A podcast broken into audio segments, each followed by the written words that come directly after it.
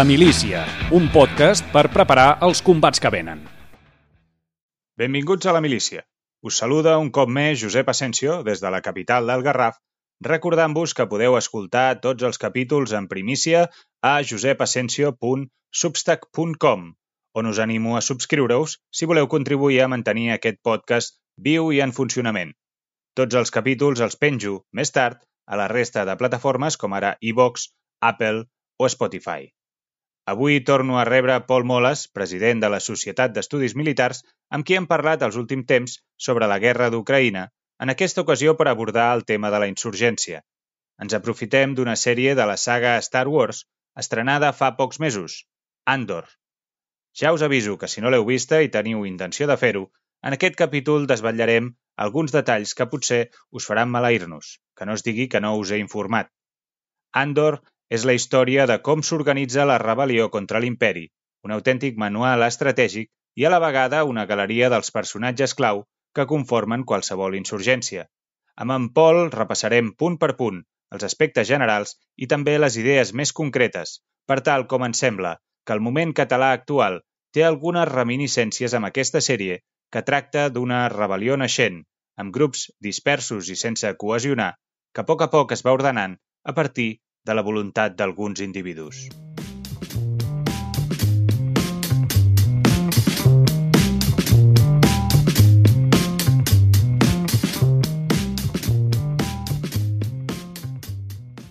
Pol, benvingut a la milícia un dia més i gràcies per atendre la meva trucada. Moltes gràcies, content de tornar a ser aquí. En primer lloc, ja anant de cara al gra, eh, per situar-nos, eh, bé, tu em vas dir que havíem de parlar d'Andor, d'aquesta sèrie, i la primera pregunta, el primer, per obrir foc, eh, expliquem de què va Andor. Andor ens situa eh, cinc anys abans de la batalla de Yavin, que en la terminologia de Star Wars seria cinc anys abans de la primera de les pel·lícules de la sèrie original, és a dir, el capítol quart, el d'Una nova esperança, i ens parla d'un lladre, allò de relativament petita delinqüència, de com es converteix en un element de la rebel·lió. Cassian Andor, que és el protagonista, és el que li dona nom a la sèrie, i és un personatge que també surt a Rogue One, que és una d'aquestes pel·lícules que quan la factoria Disney Lucasfilms va engegar la xurreria, va fer, i és una de les que tu també em vas recomanar, jo vaig veure Andor abans de veure Rogue One, cronològicament Rogue One és anterior no, perdó, ho estic dient malament. Rogue One no, és... Bé.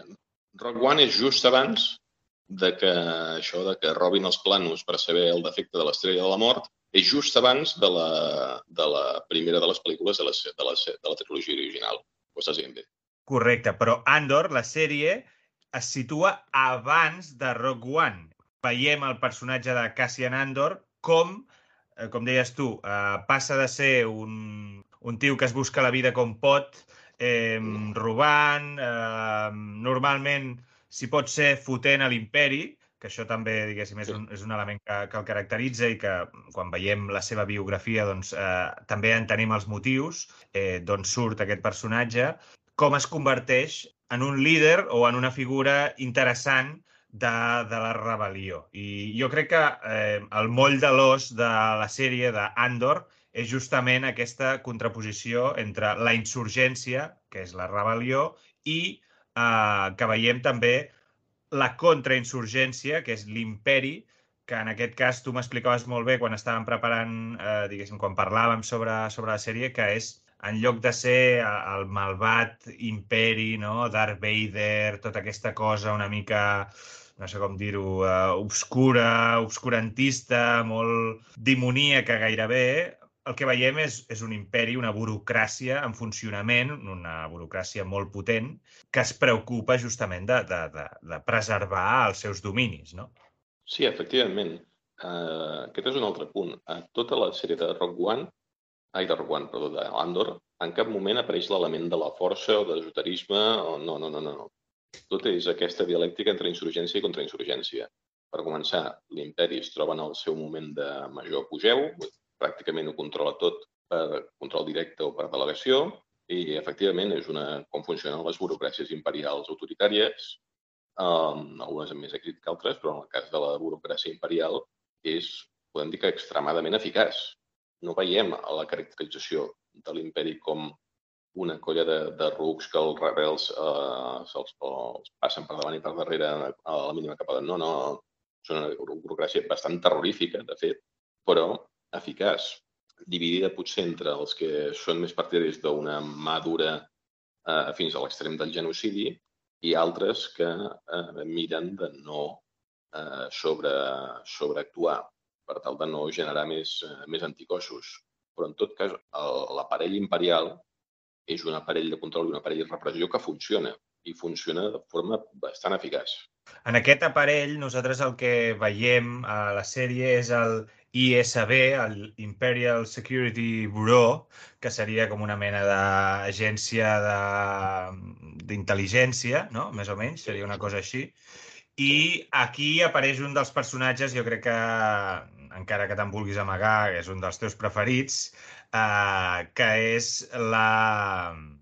Aviam si ho dic bé, que el tinc per aquí. La Dedra Miro, que és una oficial d'aquest de l'ISB, que, um, malgrat que és, diguéssim, té un punt de, de dolenta, té un punt de malvada, és un personatge que li, agafes agafa, li acabes agafant, no diré carinyo, perquè això potser seria massa, però sí que pots arribar a entendre um, per què actua com actua o, o i pots compenetrar en el sentit que es dedica plenament a la seva feina i, i fins i tot doncs, eh, sent una dona en, en, un, en un entorn, diguéssim, molt autoritari, molt, com deia, molt burocràtic, doncs ella eh, repta per escalar posicions i, i ho fa i, i, i tan alegres que se'n surti, no? Sí, de fet, bueno, quan dius que és un dels meus preferits, no, no, no, no me n'amago, és dels meus preferits i preferentment perquè una bona sèrie necessita un bon antagonista. I, i efectivament, el personatge de la Dita Nero ho fa molt bé. Eh, I justament aquest, aquest personatge intel·ligent que està mirant en tot moment com, a, eh, com funciona, quan tot sembla aparentment plàcid, i, i un que ja són elements inconexos de conats de rebel·lió, perquè l'altre element, perquè els oients se situïn, si no han vist encara la sèrie, que els hi recomanem molt, és que la, la rebel·lió com a tal no existeix, existeixen diversos grups, però que pròpiament no hi ha res cohesionat que sigui una amenaça, una amenaça seriosa per, per l'imperi. Ja, això, abans I... de, de continuar, si em permets un moment, perquè sí. això em sembla un una cosa interessant. Eh, com dius, la rebel·lió és més aviat, un, és gairebé un concepte, quan, és, és, una, és una idea, perquè en si veiem que tampoc no està gaire cohesionada, hi ha, hi ha, hi ha algun individu del qual parlarem, no? Hi ha, l'estructura que hi ha és bastant pobra, però i cadascú mm, batalla a la seva manera. També estem parlant, clar, de, estem parlant de, de Star Wars, vull dir que cadascú té el seu planeta, té la seva zona d'influència, vull dir, clar, és, és una magnitud que no té res a veure no, amb, el que, amb el que nosaltres puguem entendre, però, però m'interessa això perquè el personatge de Cassian Andor eh, se'ns va explicant a través de flashbacks ell surt d'un planeta que ara no recordo el nom i hi ha com la, la seva mare, la mare adoptiva, el, el, el treu d'aquell planeta perquè hi ha una nau de l'imperi que, que, que xoca allà i llavors la seva mare, junt amb, amb el seu pare adoptiu també, el, el que fan és, bueno, no sabem si és que són ells els que han, han tombat aquella nau de l'imperi o no sabem exactament com ha anat, però sí que veiem que entren allà, roben algun, alguna peça, algun...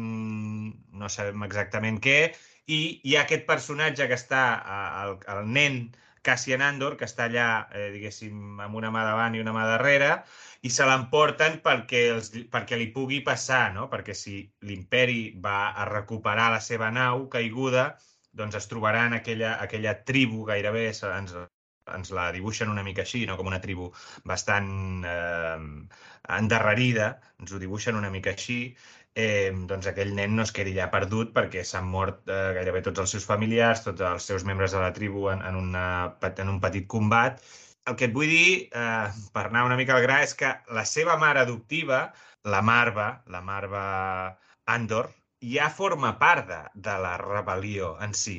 Però això és el que et volia una mica preguntar. Quin, de quina rebel·lió forma part? És a dir, com, com, com ens hem de figurar aquesta, aquesta idea de rebel·lió que evidentment, després, eh, si tu has vist les, les pel·lícules, doncs ja saps més o menys de què va el tema i al final doncs, és, és una estructura i una organització bastant, bastant ben feta, bastant, vull dir, amb una jerarquia molt clara, etc. no? Vull dir, amb recursos i tot plegat. Però en aquell moment, d'on surt el, el, el seu esperit de rebel·lió? Tu ho dic perquè tu segurament eh, coneixes, has vist alguna altra, alguna altra sèrie d'aquestes paral·leles i, i coneixes millor la, la, la, la història de Star Wars que jo. Però de quina rebel·lió estem parlant en aquest moment? en aquell moment són focus localitzats, eh, són elements molt inconexes, que clarament hi ha una, una reacció enfront de l'autoritarisme imperial, però que cadascú ho enfoca eh, com bonament pot. Eh, i, I en això hi ha un paral·lelisme clar amb, moltes insurgències, que no hi ha un inici clar, però hi ha, a nivell individual o dels certs col·lectius, un plantejament clar de, que, eh, de reacció davant l'autoritarisme i a partir d'aquí eh, eh, amb aquesta amalgama es va evolucionant. Alguns prosperen i altres no. En el cas de, en el cas d'Andor estan tots, tots els elements són molt latents i fragmentaris i de fet se'n veuen molt pocs dels, dels diversos grups rebels que se'ls anomena, però se'n veuen molt pocs. Però en aquest cas concret, crec que l'interessant, en el cas concret de la, del personatge de la Marva i del planeta adoptiu del, del Cassian Andor, planeta Fèrrix, que és una colònia minera aparentment eh, anodint, amb una vida molt, eh, molt rutinària, a mesura que anem avançant, la gràcia està en que veus que hi ha tot un seguidor, una xarxa social eh, molt més rica que no pas sembla. I això és el que acaba propiciant que la cosa s'expandeixi. I aquí crec que, que és els, els paral·lelismes més clars amb els elements d'insurgències en el món real. Vull dir que els elements insurgents poden ser eh, inicialment molt petits, però la que hi ha una, una guspira que qualla en un terreny fèrtil, com en aquest cas, en el cas de, en el cas d'Andor passa amb el, amb el planeta Fèrrix, la, la cosa ja va agafant categoria. I és, eh, i és aquí que li, li trobo la gràcia.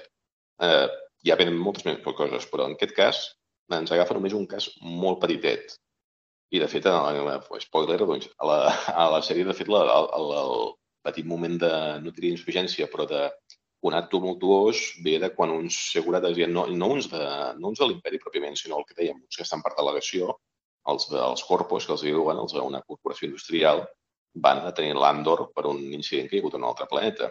I a partir d'aquí, doncs, aquest punt d'accés d'autoritarisme doncs, desperta el punt de resistencialisme del, del planeta i això comença a fer girar la, a fer girar la roda de que acabi intervenint l'imperi directament i la cosa vagi, vagi escalant. Bé, són les dues coses aquestes, no? Per una banda veus que les relacions que hi ha entre els personatges, és a dir, que, que, que els vincles importen. Importen quan van a detenir a l'Andor perquè, diguéssim, ell té una xarxa d'amics i de familiars que faciliten que pugui abandonar el planeta abans de que el detinguin, per exemple, però després, quan torna, al cap de molts episodis, gairebé al final, que la seva mare, això mm, ja, ja ho he avisat, que faríem spoilers, per tant, la seva mare es mor, i llavors ja hi ha un, el combat final, diguéssim, i ja veus que eh, bueno, allà ja hi ha una batussa campal entre els ciutadans de Fèrrix contra els elements de l'imperi, no? que això és una cosa que, que tu veus que es va covant, no?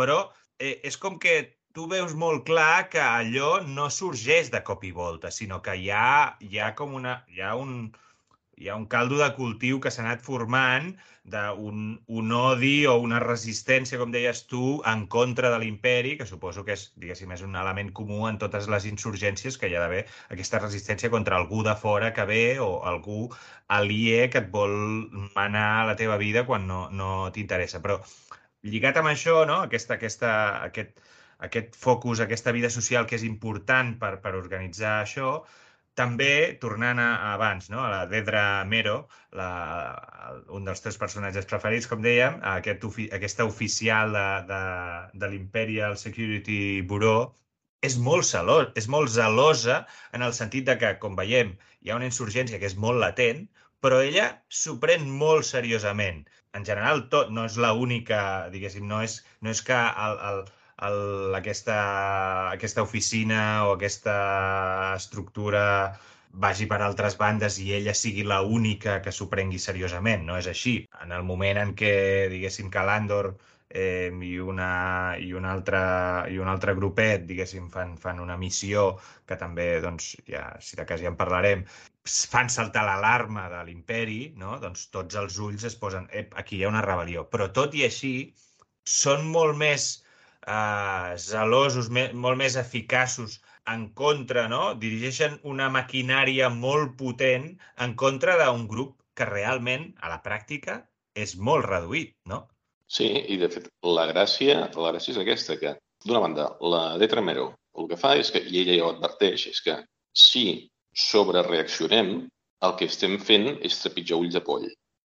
Per tant, en lloc de, en, en, si en lloc de fer una acció quirúrgica fem una repressió eh, així a, a l'engròs, que és una de les coses que acaba passant, i que els rebels i els hi bé, després ja entrarem en la figura del cervell de la, de la rebel·lió, si et sembla.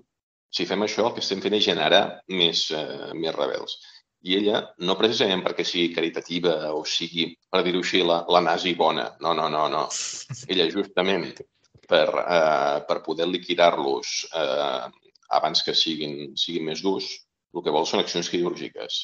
I per això va pam per pam. De fet, fins i tot abans que això passi, a l'hora de, de buscar patrons de la insurgència, una de les coses que diu és que quan van revisant els incidents arreu de la, arreu de la galàxia, veu que en, to, els diferents incidents que hi ha hagut no hi ha cap mena de patró. I aleshores diu ella, clar, és que aquest és el patró.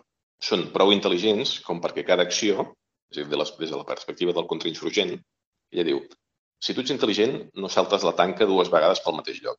I eh, això és exactament el que estan fent els rebels. I ella veu aquest patró. Els altres no. Els altres, encara que no siguin estúpids, segueixen una via molt més burocràtica. I quan han de començar a fer la repressió ho fan molt més a gran, molt més a gran escala. I justament amb això acaben, acaben afavorint, afavorint la, la insurgència. Tenim aquest personatge, el Cassian Andor, eh, com dèiem, al principi es veu involucrat amb, amb un accident, eh, llavors ha de fugir i llavors entra en contacte amb el que deies tu, amb el cervell de, de la insurgència, que és en Luthen Rael, o Rael, no sé, no sé com es pronuncia exactament, que és un personatge que viu a Coruscant. A Coruscant és, és la capital de l'imperi, no? Ho tinc ben entès. Sí, sí, sí. Eh, I allà eh, és, es fa passar com a venedor d'antiguitats i és des del punt on té muntada diguéssim, el seu quarter eh, de comunicacions, on pot rebre persones, on també, diguéssim, li dona la coartada per poder-se moure, no? per anar a buscar antiguitats en altres planetes, etc. I aquest eh, Luthen eh, recluta l'Andor per una missió. Jo crec que eh, és interessant, eh, per una banda, el, el, la visió que té el Luthen de, de com pot servir l'Andor, que és un personatge descregut. És a dir, hi ha aquesta cosa de el Luthen, eh, en el fons, tu també m'ho deies i, i ho, ho, hem, ho hem comentat i, i ho has apuntat, que, que el Luthen no és, eh, no, tampoc no és una ànima gaire caritativa, perquè ha de prendre decisions molt dures en pro d'una causa superior, no? que és la, la insurgència en si. Però, a la vegada, sap veure en Andor, eh, en aquest personatge, en el Cassian Andor, sap veure-li eh, amb aquest esperit rebel que en el fons, eh, al principi, a Cassian Andor no deixa de ser això, un, un lladre, eh, no, és un escèptic, un incrèdul, no, no, no té cap mm, interès en... Per molt que la seva mare i el seu pare adoptiu doncs, tinguin aquestes, aquest, aquests interessos, aquestes bueno, aquesta voluntat de, de antiautoritària, etc. És, és com dir que els seus pares eren uns hippies i ell eh, passa de tot, no? Ell seria més com un, un punk, per dir-ho així. Però el Luten sap veure aquesta, aquesta habilitat o aquesta... Per què creus que, que li detecta en, en el Cassian que, que pot servir per la causa de la rebel·lió? En primer lloc, per les pròpies capacitats del Cassian. És a dir, Uh, fem un altre spoiler aquí. El, el Cassian el que fa és robar els Starpads, que són un dels sistemes de navegació de les naus imperials i que funcionen per allò per moure's allò amb discreció i precisió arreu de, arreu de la galàxia. I clar, el, aquest, aquests dispositius van buscadíssims. Ara bé, per robar-los has de tenir certa capacitat i imaginació. I, evidentment, per interès ja li convé això. Però alhora, com més endavant es va descobrint, ell ha anat seguint la trajectòria de, de l'Andor, sap qui són seus pares i sap el ressentiment que té ell cap a, cap a l'imperi, encara que sigui, que sigui eh, incrèdul o més aviat eh, no tingui gaire fe en que es pugui fer gaire cosa. Vull dir, inicialment ell s'uneix a aquesta missió amb aquest grupet per una qüestió de diners, però Lucen veu que el, el Cassian anirà més enllà, li veu un potencial. És dir, a banda de, la, de les pròpies capacitats com a, com a lladre i eh, o com, que també, si ho mirem des d'una perspectiva de, de serveis d'intel·ligència, per accions encobertes, les capacitats d'un lladre de d'alt nivell no són gens més creables. Per tant, eh, aquest és un punt important. Però veu el potencial perquè sigui alguna cosa més. I, efectivament, així es demostra amb la, amb la següent acció que fan de cara a buscar el, el que aparentment és una, és una acció per buscar finançament, però aquí entrem al següent punt, que és també una acció per tal de buscar justament la sobrereacció imperial eh, que en una de les converses posteriors diu l'imperi porta massa temps estrangulant-nos suaument. Ha arribat l'hora de fer que fer-los fer i apretar el punt.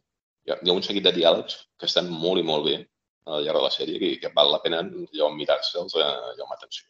Sí, això a mi em va recordar quan de vegades aquí parlem, observant totes les distàncies que faci falta, no? quan allò de uh, com millor, ai no, com pitjor, millor, no? És a dir, de vegades eh, fa falta, i això no té res a veure amb aquest discurs que a mi em sembla bastant infantil o naïf de a Espanya sempre ens ajuda o gràcies a Espanya, no? Vull dir, però sí que hi ha un moment en què si tu eh, puges l'aposta, eh, més possible que eh, propicis el, un comportament del teu enemic, del teu rival, erràtic. Eh, no, no estic dient quin comportament, un comportament X, sinó que provocar a, a l'enemic fa que, eh, diguéssim, ell es comporti, reaccioni eh, de vegades de formes que, que no té planificades. I això, diguéssim, és, és, eh, en aquest cas és el que demana una mica el, el, el personatge aquest del, del Lucen, no? que,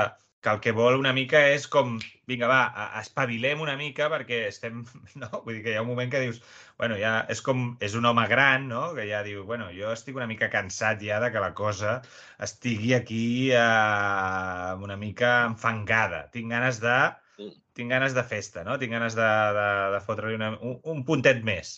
I això és, és una cosa que es veu, que justament doncs, la sèrie té, té la gràcia no? de, de trobar-nos en aquest punt en què la rebel·lió, eh, diguéssim, li dona, li dona un puntet més. I aquí també volia entrar en, en un punt que tu també m'has fet, que és la heterogeneïtat de, de la insurgència, perquè ho veiem molt en aquesta missió, en aquesta missió que tenen a, en un altre planeta, ho tinc per aquí, el planeta Aldani, que han de fer aquesta, aquesta missió que, que tu deies, no? per intentar pujar una mica a la, a la posta, eh, i veus que hi ha, hi ha l'idealista, hi ha una mica el mercenari, que seria l'Andor, també hi ha el rebotat amb el món perquè li han matat el germà, no me'n recordo si és el germà o el pare. Hi ha la, les dues noies, les que, que una d'elles també sembla que actui més per revenja que per altra cosa, l'altra té motius més nobles, però però també a la vegada, diguéssim, està enamorada de l'altre i per tant és com una mica que li segueix el, li segueix el rotllo a l'altre, no? És una mica tot de factors que, diguéssim, en un microcosmos petit, eh, és, és, és molt heterogeni, però que si ho, ho, ho extrapoles encara a, a, a, més enllà, doncs veus el, el tio aquell, el personatge que interpreta... Hòstia, ara no me'n recordo eh, com sí, es el, diu. El nom és el, nom és el, el Sou Guerrera. El... Ah, exacte. Sí. Aquest, el, el, Aquest el Whita, el, fanàtic. Forrest Whitaker, pot ser que sigui Whitaker, sí. el, Forrest Forrest Whitaker, sí, sí. Sau Guerrera, Aquest exacte. és el, Car- és el hardliner, eh, però, però ell mateix, clar, ell, no- com tots els hardliners, ells no s'hi veu. Vull dir, ell mateix ho diu, jo sóc l'únic que té una visió clara del que s'ha de fer en aquesta rebel·lió. Sí, però és el... És, exacte, és, és com una, és una facció de la rebel·lió que és, és la més, això, la més hardliner, la més dura, però que ja porta mil batalles a l'esquena i que en realitat està de tornada a tot, però bueno, ell encara està allà, no? Vull dir, I veus que, vull dir, quan vas, vas sortint de, a cada nivell, no? Hi ha Luten i després també hi ha eh, que si vols, diguéssim, pots parlar d'aquest aspecte de l'heterogeneïtat, però també m'agradaria parlar d'aquest personatge que és la, la senadora, que ara em sortirà el nom, la Mont Mot. Qui és la, la Mont Motma? La Mont Motma és, eh, ara perquè eh, qui només hagi vist les tres eh, pel·lícules de la trilogia original, eh, la del Retorn del Jedi, la que és, quan estan pre preparant l'atac a la segona estrella de la mort, doncs aquella que, que està exposant la situació, aquella és la Montmotna, però això ja són molts anys després.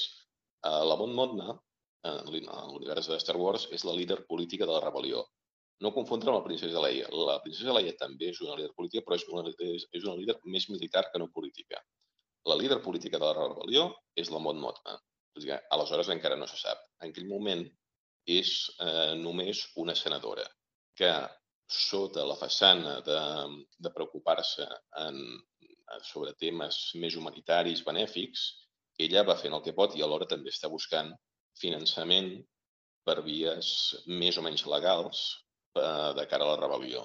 Perdona que t'interrompi, però, però una, una senadora de, del Senat Imperial, és a dir, no, no, vull dir, en aquell moment, diguéssim, ja qualsevol escletxa de democràcia o de... Vull, se n'ha anat a... No, no hi ha república ni hi ha res d'això. Per tant, és, és, és senadora, però en, en, és com, per dir-ho així, eh, com un d'aquests eh, diputats, que no me'n recordo com es deien, que tenia un altre nom, durant el franquisme, no? que hi havia aquelles, aquelles mena d'acords. I llavors, això també és interessant per, per, com a remarcar-ho, perquè ella no, no me'n recordo ara quin, de quin planeta, em sembla que és Chand Chandrila, o, ara, ara no, sí, sí. Més aviat, més aviat ho veig, més que, el, que també la comparativa del, del franquisme, més aviat ho veig, eh, per donar-li més glamour, eh, amb, el, amb el Reichstag del segon imperi alemany. Val. Eh, vull dir, més, aviat, més aviat ho veig així. Si no, jo eh, anava a dir també al Parlament Europeu actual, que també podria ser un bueno, senat sí, així... És bastant de, sí, però això és bastant de, de nyigui-nyogui, eh? no fa gaire por. Uh, Però vaja, sí, jo ho veig més de cara a l'Alemanya guillermina del Segon Reich que, que no pas amb el franquisme. Però sí, estem parlant d'un senat purament deliberatiu que, que és el, si ens en recordem del capítol quart, és la primera de la sèrie original, eh, en aquell moment en què l'estrella de la mort estan ja al Tarkin per allà al mig i comunica als, a l'emperador que va dissoldre el Senat. Això de les primeres coses que passa a Star Wars. Doncs en aquell moment, a Andor, el Senat encara existeix, però és un òrgan purament deliberatiu. I, en aquest cas, la Mot Motma, resumidament, el que aposta sempre és per temes de mesures eh, de beneficència, mesures socials, etc. Però sota aquest mantell el que està fent és preparar el finançament de la rebel·lió. Aquí un altre punt, eh, un dels coneguts habitual de Twitter, el, el que sempre diu allò del bancs en tancs, doncs les guerres es paguen. I per més voluntarisme i capacitat que tinguin les tropes, has de trobar peles per pagar-ho i comprar el material.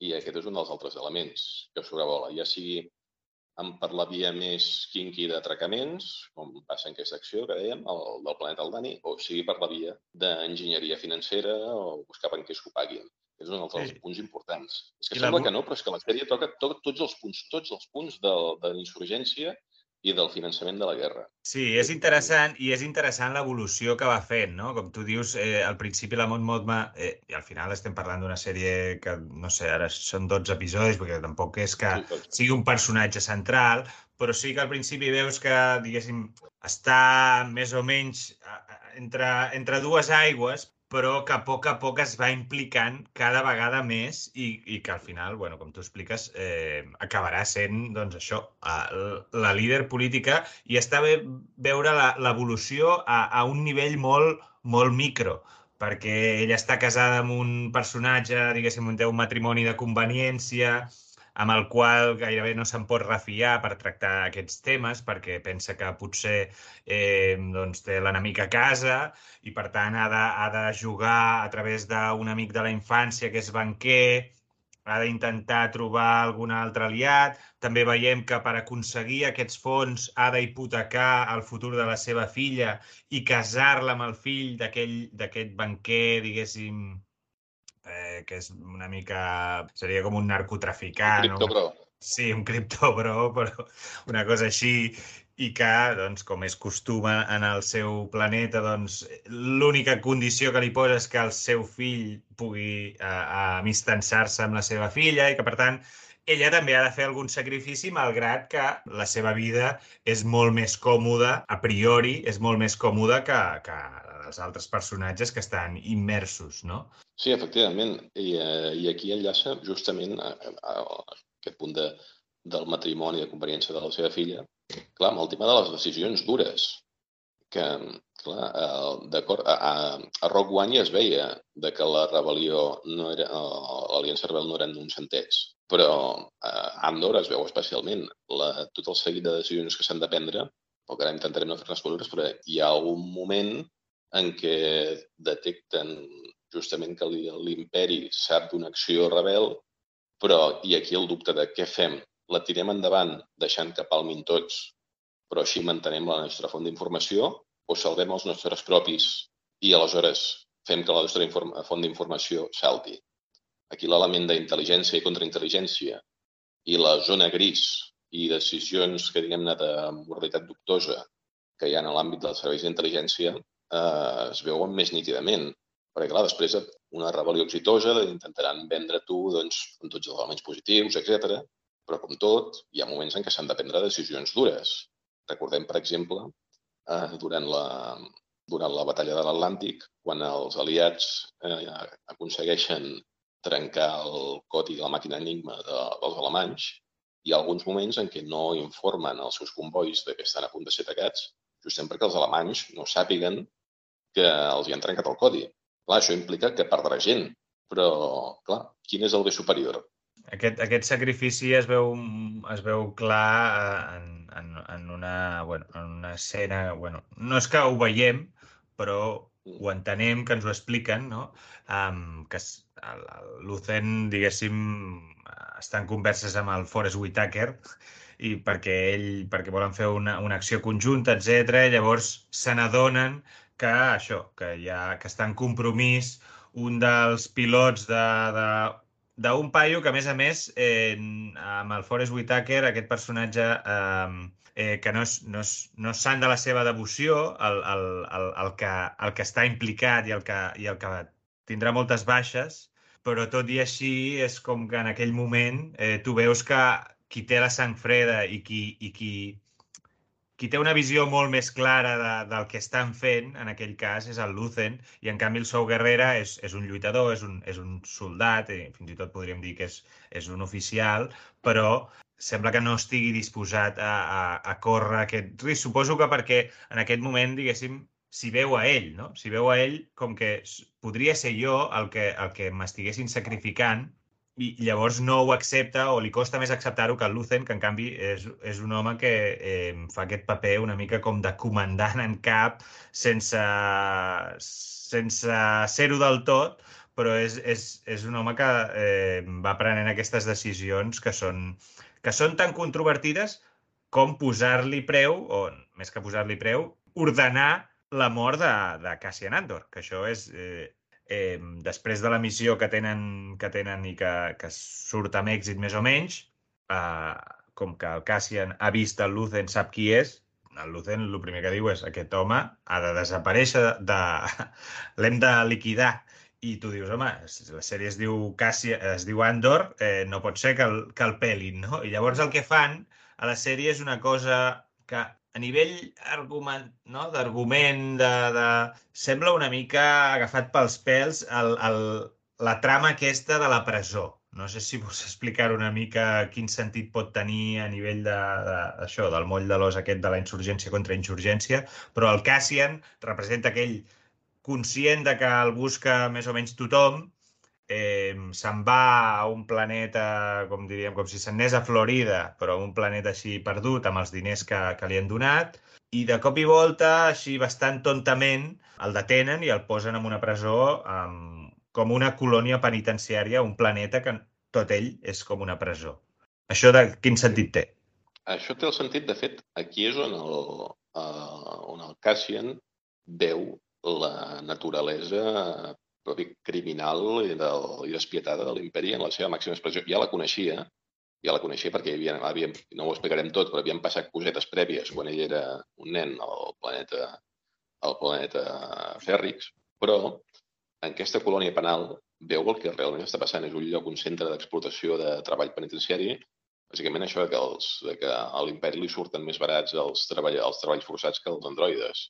I allà els tenen fabricant peces per una coseta que ja veurem després, però si els tenen allà en torns a 12 hores, en què si no, si no compleixen els objectius van tots escalços i els hi foten descàrregues elèctriques.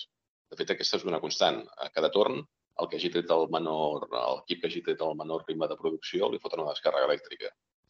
I, bueno, fins que acaben veient que d'allà no hi ha sortida possible, que el, el que els manté vius és l'esperança de que, miri, que quan, quan acabi tants dies, a mi m'alliberen fins que al final veuen que no, que allà només surts eh, com un fiambre. I, I aquí és on el Cassian veu la naturalesa despietada i genocida de, de l'imperi i a partir d'aquí és com eh, quan ja fa el pas definitiu cap a, com a líder rebel. El fet que estigui en aquesta colònia, en aquesta colònia penitenciària justament és el que el salva de que els, de, del fet de que l'imperi la sigui buscant. Perquè l'imperi i els rebels, com que el tenen detingut, l'imperi no és per a mirar qui té dintre les presons. I alhora, clar, òbviament els rebels no aniran a mirar, a mirar qui hi ha dins de la presó. I això és el que l'acaba salvant. Sí, no, està ben trobat perquè, a més a més, és una manera de foguejar-se eh, perquè al final a la, a la presó ell també lidera una, una rebel·lió dins de la presó, no? Ja veiem això que dius, no? És com que guanya mm, profunditat a, a la seva animadversió, a la seva el seu odi o la seva... És com que s'estructura millor, s'articula millor a la seva idea d'anar en contra d'alguna cosa. I, I llavors, eh, a partir d'aquí, eh, també hi ha un altre personatge que més o menys és secundari, però que té, que té, la, seva, té la seva gràcia, que és, és la Bel, la Bel Sarda, que és, que és la que ha liderat eh, la missió que han tingut al planeta el Dani, i que resulta que és la cosina de la Mon Mothma. Mon Mothma, sí. Quin, quin, quin paper juga aquest, eh, la Bel? La Bel és la, la líder de més d'acció, de cara. És, sí que té el punt idealista, però igual que el seu Guerrera, però sense aquest punt més fanàtic, és més la líder de la gent de camp. Eh, podríem dir que està entre, entre un oficial d'intel·ligència i entre un, uh, una líder d'una unitat de forces especials. Seria aquest punt intermig. I, eh, i justament és, és un agent de camp i és alhora la, el, el líder carismàtica que, que pot guiar aquests, aquests equips del, del poc, que, poca estructurada que està, la, que està la rebel·lió. Però alhora no deixa de ser, eh, és una noia de casa bona que bueno, ha trobat la seva causa i a partir d'aquí va fent. I, de fet, justament eh, aquest punt idealista el té quan, quan sa germana li, o sa cosina li comunica que això, que la seva, la seva filla es casarà amb el, amb el banquer aquest eh, sospitós.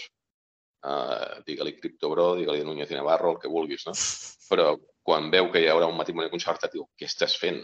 Perquè en aquest, en aquest element, doncs, ella encara hi pesa l'element idealista, més de soldat de primera línia, que no pas d'estratega.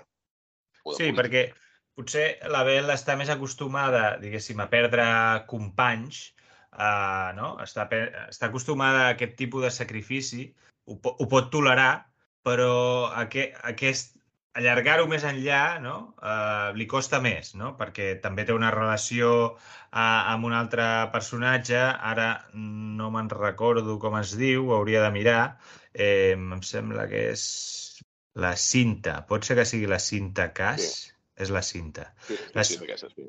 la cinta i la Bel tenen una relació on es veu que la cinta s'ho pren molt, molt més seriosament que, que la Bel. No? Llavors tens aquest, aquest element que això, quan deies que venia de Casabona, també eh, m'ha fet pensar en, en que això també és un, és un tòpic dintre de la rebel·lió, sempre hi ha, en qualsevol grup armat, en qualsevol insurgència, sempre hi ha el fill bord de Casa Bona que eh, sigui perquè es vol rebel·lar contra els seus pares, sigui perquè eh, ho ha tingut tot i es vol provar ell mateix, pel que sigui, eh, acaba, acaba nodrint les, les files de, les files de la, de la insurgència. Jo crec que, que està ben trobat, també.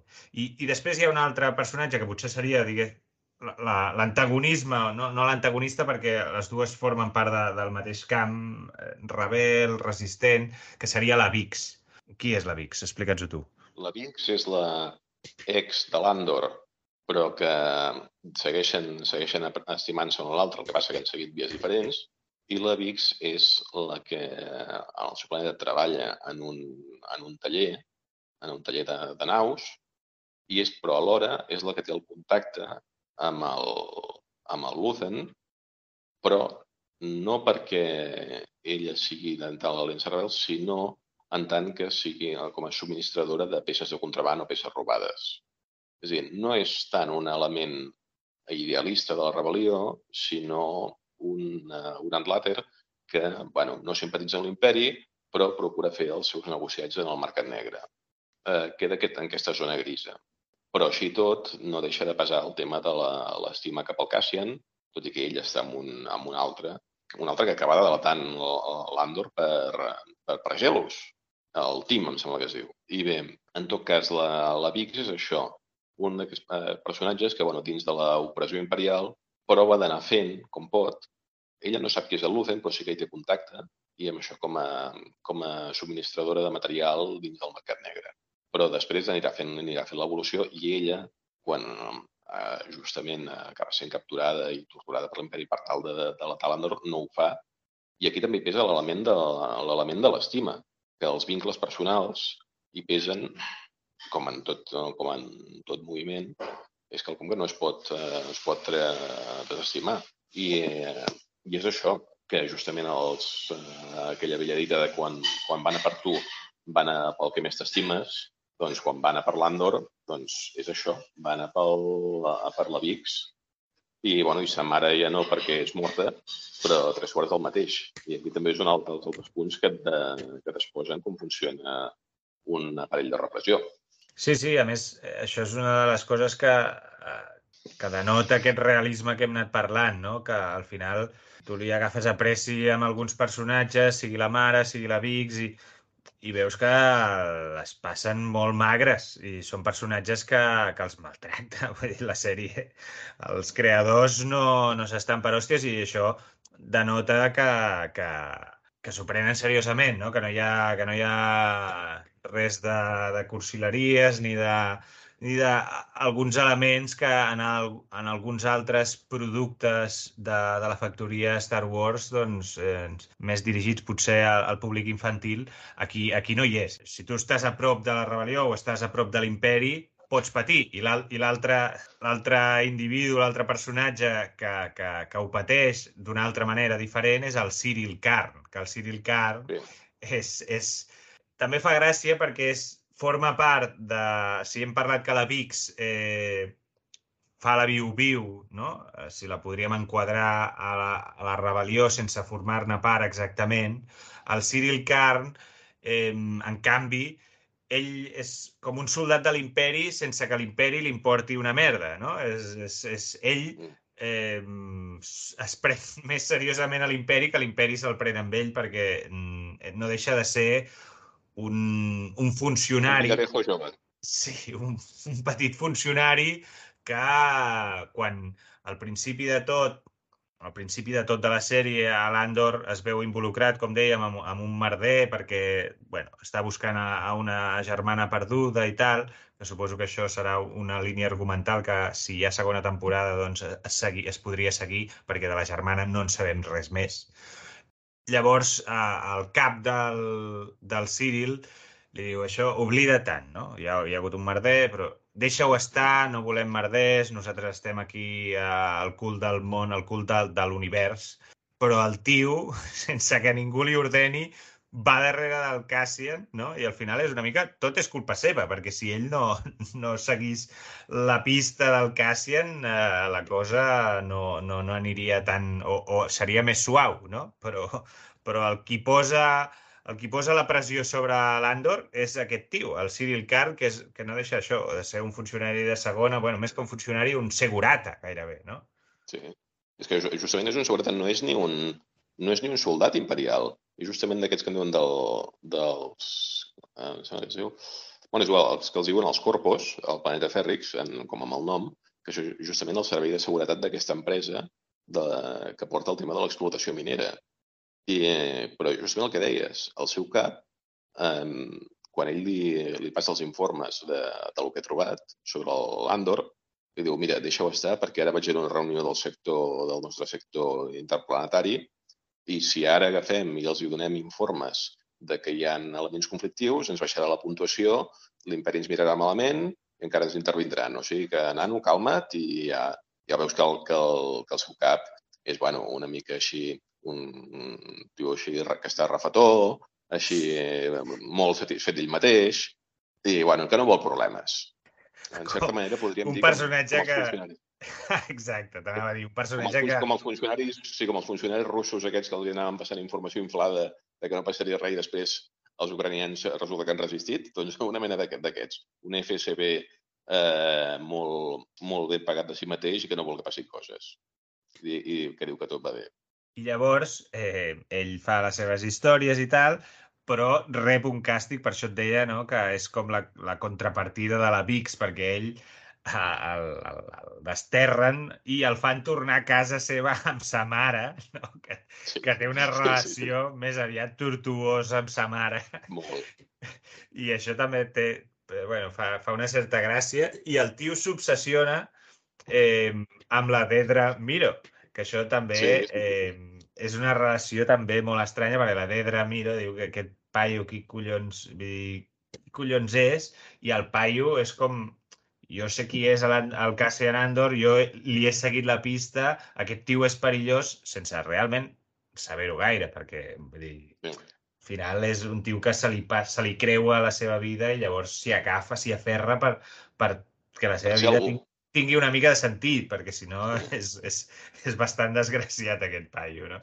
I, i aquest, aquest em fa gràcia perquè arriba fins a aquest punt, no? Una mica té, té aquesta, aquesta visió molt, molt, molt global de, de les misèries més diàries quan veus la relació que té amb la seva mare, com que, que li va dient, sí, he trucat al teu tiet, aviam si et col·loca, no? I al final l'acaba col·locant, sí que l'acaba col·locant com, com si fos administratiu d'Hisenda una cosa així, em sembla i cada matí li porta els crispis amb, amb llet o alguna cosa així. Sí, sí, és tot, tot molt, molt miserable. que això és una de les coses que a mi... És... Star Wars a mi en part m'agrada perquè, perquè hi ha aquesta mescla entre, entre tecnologia punta, no? planetes, vols eh, a, a velocitat de la llum, etc i està mesclat amb aquesta cosa de taverna, taverna on els aliens eh, eh, s'engaten, sí. no? I, i aquest, aquest element també, doncs, d'aquest... Jo crec que el Cyril Khan li dona, li dona gruix a la sèrie en el sentit de que és un tio que és això, mm, també molt ambiciós, però d'una ambició bastant buida, perquè al final no se sap ben bé què és el que vol aconseguir, no? Després sembla que sí, que s'obsessiona amb, la, amb la Dedra, però no sé, no sé dir si, si està ben bé enamorat o és, és una obsessió... No? No sé, no sé com, com ho veus tu.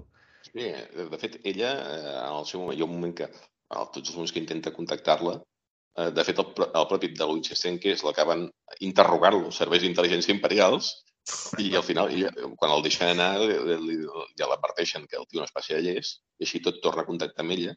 Ella arriba a creure's que és alguna mena d'assetjador sexual. Però, però no, no, no, el que és és un, un, això, un pobre desgraciat que busca eh, fer alguna cosa que vagi una mica més enllà de la seva misèria diària i para de comptar molt obsessiu, però és això, amb una, amb una vida allò molt petita, petita, petita, amb un rècord de món molt, molt miserable. Però no, no és més que això, que va obsessionant.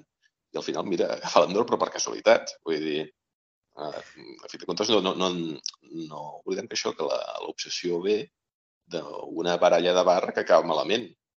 Que sí, acaba sí, sí. més trets del compte. Vull dir, però no, no, no, no, és més que, no és més que això. Sí, jo crec que aquest personatge, malgrat que és, és un secundari que no, que no pinta gaire, però va molt bé per, per, per explicar i per donar-li això, per donar-li consistència, eh, perquè és un personatge que està bastant, està bastant treballat. Jo crec que amb això la sèrie d'Andor està, està bastant cuidada i jo crec que això és el que li dona solidesa perquè tu podries haver-ho fet molt més mm, una cosa més d'espadatxins i de batalles i de batalles en si eh, potser n'hi han dues importants, no? Eh, no sé, potser la, la, la missió aquesta que tenen a, al Dani, no? que és quan, quan roben no? Fan, tenen aquest, aquest grupet, sí. aquesta, aquesta petita missió eh, mal, bueno, petita, no tan petita, perquè tenen l'ajuda la, d'un oficial de l'imperi que fa aquest, aquest doble joc, i després la, la, el final de tot. No? Aquestes serien les dues batalles, no sé si me'n deixo alguna. No, no, són aquestes, no, no, té més, sí. I eh, sí que exacte, no és, no és justament una, una una història de guerra perquè pròpiament guerra no se'n pot donar gaire. Vull dir, la, la rebel·lió com a tal són grupets minúsculs, no es poden donar gaire coses.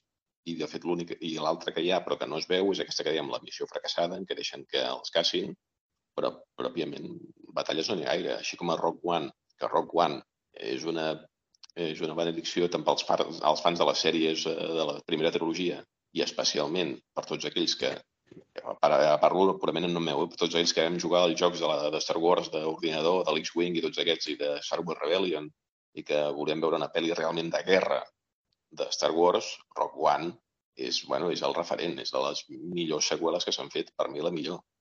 Eh, en aquest cas una preqüela, però justament a la sèrie d'Andor, combats ben pocs. La gràcia és tota la trama i, eh, i tot el treball dels personatges. Ja et dic, sí. per tots plegats, el, el meu preferit és el, és el Lucen. Sí, home, Lucen és, és, és, és, el, és el cor, és el cervell, perquè al final hi ha una, hi ha una conversa, el, el Lucen també, nosaltres no ho sabem, però té, té infiltrat eh, a algú dins de l'ISB, aquest, aquest uh, Imperial Securities Bureau, no? el lloc on, on treballa la, la Dedra Miro i, i, i, el, bueno, i en tots el, el servei d'intel·ligència de l'imperi, i ell té un infiltrat, i hi ha una conversa que jo crec que és com el resum de tota la sèrie i de tot el, el, el que et vol dir que és, té una conversa amb aquest personatge infiltrat que diu, home, jo tinc la família, m'estic jugant molt per venir a veure, tal, i l'altre diu, i l'altre, no? Li diu, bueno, i, i tu què et penses? Que jo no m'estic jugant res, jo estic, jo ho he sacrificat tot, jo no tinc res meu, no? Eh, i, I al final veus que el Lucen, eh, malgrat que penses, bé, eh, al final també s'ho passa bé, perquè va amunt i avall, coneix gent, eh, rep a persones i tal, però penses, al fons també té un punt de... és això, no, no, té, no, no té família propera, l'únic amic o amiga que es pot considerar és, és la seva assistent, que si fes falta doncs segurament també la sacrificaria, eh, perquè se li veu aquesta mentalitat. Per tant, és un tio que està sol, sol amb la seva causa. I llavors, eh, està molt bé aquesta conversa, jo crec que és, és el que resumeix una mica tot el que hem anat dient, no? que, és, que al final una rebel·lió es basa en molt petits detalls en, en què no? tu has de, has de donar un punt més que el, que el teu enemic i jo crec que aquí la gràcia de tot plegat és que tu veus que els dos, eh, els dos eh, rivals se la juguen en, en, en proporció, no? en, en una mica en, en, en, la mateixa, en la mateixa dimensió. De, si juguen parts de la seva vida fonamentals i van a fons no? de, per, per aconseguir els seus objectius, encara que això, la, la rebel·lió doncs, no deixi de ser una cosa bastant desballestada. Sí, i de fet, en, en aquesta mateixa conversa, quan justament li pregunta què ha sacrificat, una de les coses que li diu, a banda del que has dit, és eh, m'he vist obligat a combatre l'imperi amb les seves mateixes eines. Això és potser el més memorable de tot. Ell és conscient que no passarà als anals dels herois de la rebel·lió. Vull dir, perquè clar, això a l'hora de fer la narrativa del triomf, les coses fosques no s'expliquen evidentment queda molt bé eh, la princesa Leia, Luke Skywalker i fins i tot el Han Solo, però un tio que és capaç de prendre aquestes decisions dures i despietades no queda bé en aquesta narrativa. I ell és conscient d'això, però la causa de tirar endavant i tira milles. I, efectivament, ho ha sacrificat tot. Ell és ell i la, i la causa. Un. I eh, per això és justament el que crec que fa el personatge el més interessant i eh, alhora ens aporta aquest punt de realisme. A vegades quan idealitzem les coses això ens passa a tots, però s'ha de ser conscient del que és una insurgència i el que és una guerra, i a l'hora de prendre decisions dures, que és justament a vegades el que ens falta molt als catalans en general, però que no hi ha una, una idea de poder ferma i bé. Però justament per, tant pel personatge en si de Lucen com per tota la sèrie, vaja, crec que és imprescindible veure-la per entendre això, que és el que és una insurgència i el que és els passos previs a una guerra, eh, més enllà de que t'hagis llegit o no, o vulguis llegir llibres sobre teoria de la guerra, història de la insurgència i contrainsurgència. Crec que és una sèrie trebadíssima i que ho resumeix tot prou bé. I a veure què ve la segona temporada, però només amb la primera ja val molt la pena. Jo no afegiria gaire cosa més per, per acabar, perquè crec que ho has, ho has dit molt bé. Eh, només afegiria que eh, fa tot això que has dit i t'entreté. Vull dir, tu passes bé mirant-la. Sí. Eh, I això Sí, sí, és... Vull dir que això forma part de, de la gràcia i per això de seguida que em vas dir, escolta, eh, has de mirar això, vaig fer el sacrifici de mirar la sèrie i vaig dir, tens, tot, tens tota la raó. Per tant, jo ho deixaria aquí. Crec que més o menys hem tractat tots els temes que, que, que abans de, de parlar doncs, creiem que eren, que eren interessants i, i necessaris de, de comentar. No sé si vols afegir alguna cosa més, si no ho deixaríem aquí. No, no, em sembla que ja ho hem tocat tot, sí. Perfecte, doncs Pol, moltes gràcies. Eh, com sempre és un plaer tenir-te aquí a, a la milícia i fins la propera. Que vagi bé, moltes gràcies. I els oients, eh, com sempre també, eh, molt agraïts de que ens escolteu i ens veiem ben aviat.